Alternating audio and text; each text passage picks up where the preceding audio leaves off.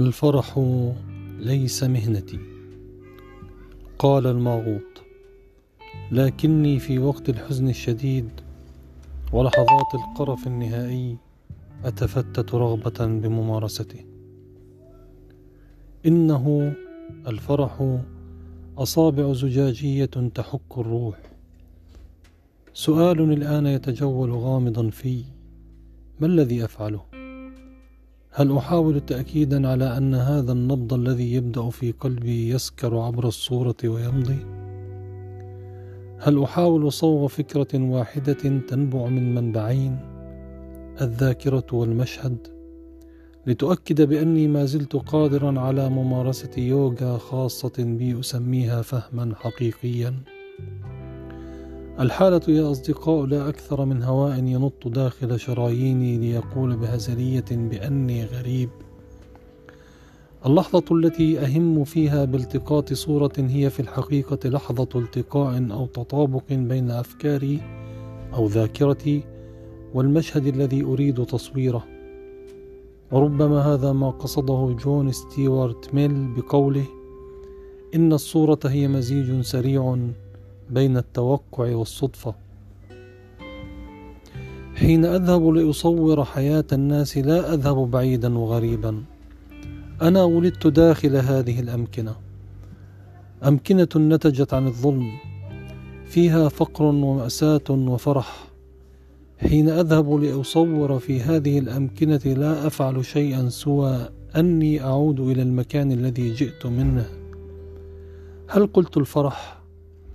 في هذه الأمكنة أفرح على طريقة الريح وألتزم على طريقة الأسيجة تفاصيل حدائقي تفاصيل ذاتي وهي تحاول الآن أن تصوغ صورة أو فكرة تقول إن عواطفي سرب نزل ليستحم في بركة طي المنعطف. ولا أدري بأي بلل سوف تفرح. تفاصيلي ما زالت في البدء. جسدي يهزأ بالطرقات والثياب.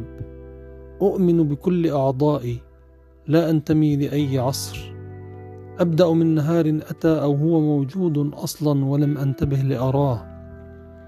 أنشغل بكيف سأرى هذا الصباح؟ تلسعني دروب الذكريات الطرية لأني ما عدت قادرا على الارتعاش كما يجب.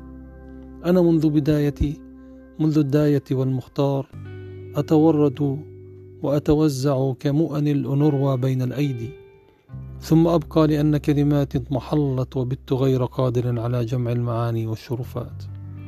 أو أبقى فأقيس عباءات الشوارع وطرح البيوت المزهوة بفقرها وأنين الصغار. أخرج لأبحث في ظهيرة تحاول أن تمطر ثلاثة شوارع بعدها المخيم. أدق الباب باندفاع أتى معي. سوف يعرفني لأني الوحيد الذي عرف وجهه المبتور من جبل. سوف يعرفني لأني الوحيد الذي عرف كيف يتقشر قلبه. وسوف تعرفني لأني الوحيد الذي حلم بها. وأخيرا سأتنهد. لأني الوحيد الذي يتنهد حين يلمس روحه زهر بنفسجه المكابر. أنهض من كرسي المأزوم. أغلق كتاب اللامبالي أميل رأسي كي يستقر الأصدقاء في زاوية غير مستعملة طيلة نهار مكتظ أمشي ويداي متحفزتان لملمس الكاميرا هل أنا آخر ريق في رشفتي نبيذ؟ هل أنا التفاحة المنهورة التفاحة التي تفاجأت حين قطفوها؟ أي المواسم هو القادم؟ وما شكل سنابل عام الجديد؟ أبدأ من نهار سيبدأ غدا فأنام مخنوقا. تعالوا صغوا فثمة ما يحشرج الشرشف وثوبي الداخلي. تعالوا فما زلت أرتوي بالصور وبعض قصائد تشغل هذا المكان المقفر. تعالوا فالوقت انتهى للكتابة. وأصبح أسود للنعاس ووسواسا للنوم. تعالوا سأنام ترى كيف انقطع زر في وسط القميص حين شهقت بآخر الكلمات وكيف ترك العروة مفتوحة؟